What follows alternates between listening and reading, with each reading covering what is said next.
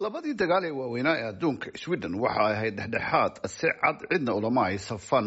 Ugu dambeyntii dadaal weyn kadib baarlamaanka hungari ayaa waxa uu ansixiyey arjigii uu dalkaasi uga mid noqon lahaa gaashaanbuurta neto turkiya ayaa ka horeeyey waxaanay ahaayeen labadii dal ee ugu dambeeyey ee ansixiya arjigan waddamada sweden iyo hungari ayaa jimcihii kala saxeixday heshiis dhinaca saanada milatariga ah.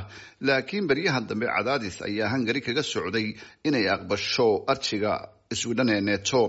Boqol iyo sideed iyo siddeetan xildhibaan oo ka tirsan baarlamaanka hungari ayaa u codeeyey lix ayaa diiday cidina kama ay aamusin.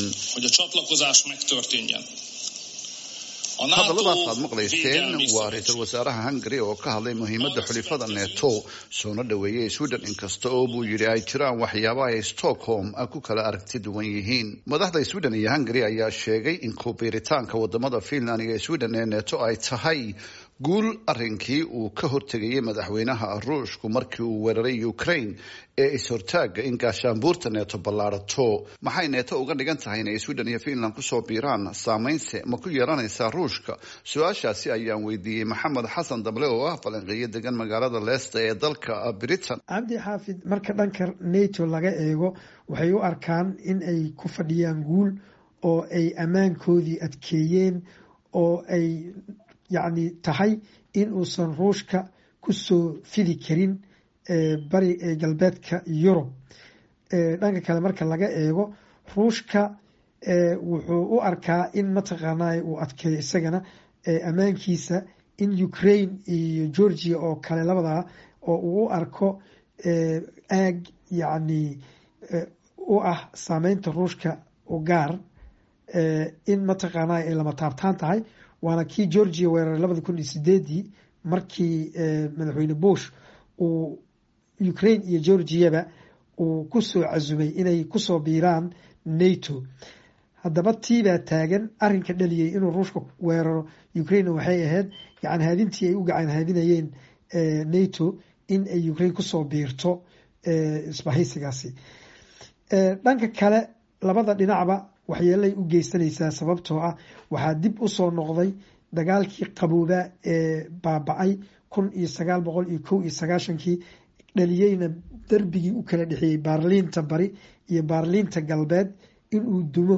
Waxaa suuragala in derbiye noocaas oo kale dhismahooda ay dib u soo noqdaan in la ishor fadhiyo waana arinta ugu khatarta badan oo ah quwado nuclear leh in ay mataqaanaay afar iyo labaatan saac waardiye iska ahaadaan dhinaca kale maxay uga dhigan tahay sweden inay ku soo biirto gaashaanbuurta neto su'aashaasi ayaan weydiiyey axmed cabdulaahi maxamed axmed kaboole oo ka faalooda arrimaha amniga degana dalka sweden waad mahadsan tahay kubiiritaanka sweden ee ururka nato. Waxay kor u qaadaysaa runtii ammaanka sweden inay kor loo qaaday ayay ka dhigan tahay.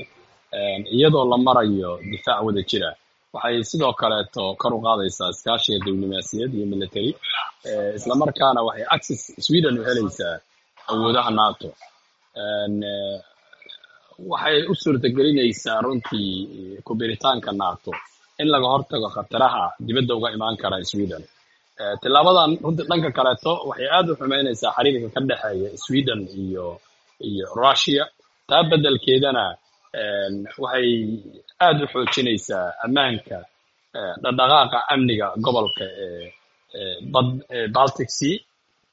Ay kor u qaadaysaa badda baltiga. Waxay ka turjumaysaa isbeddel ballaaran oo ka jira ku yimid waqooyiga awoodda waqooyiga yurub oo la jaan qaadaya nato. Waxayna ka helaysaa difaac dhab ah ayay ka helaysaa. Haddii wadamadan sweden maanta waxay ka mid tahay xuduudda nato. Si lamidana isbeddel wuxuu ku imaan doonaa habkooda difaaca sweden. Oo architecturka national security architecturka sweden s p l la yidhaahdo maantay. Waxay la jaan qaadi doontaa ama dib habeyn lagu samayn karaa habka difaaca ee nato systemka ayay qaadan doonaan. Turkiya ayaa markii hore ka cagajiday inuu ansixiyo arjiga sweden isagoo ku xidhanaya stockholm tallaabooyin adag ka qaado maleeshiyaadka kurdiyiinta ee p k k ay ka mid tahay oo madaxweynaha turkiga uu sheegay inay sweden hoy ka dhigteen sweden ayaa sharcigeedii wax ka bedeshay waxaana debcisay ka iibinta hubka turkiya halka washingtonna ay ogolaatay inay cankare ka iibiso diyaaradaha dagaalka ee loo yaqaano f hungary aada uma ay caddayn sababta ay ilaa iminka u soo gaadhsiisay inay aqbasho arjiga sweden oo aan ka ahayn in dhowr jeer dowladda sweden ka biyo diiday jihada dimuqraadiyadda ee hungary. Cabdi xaafid cawir ismaaciil v o a london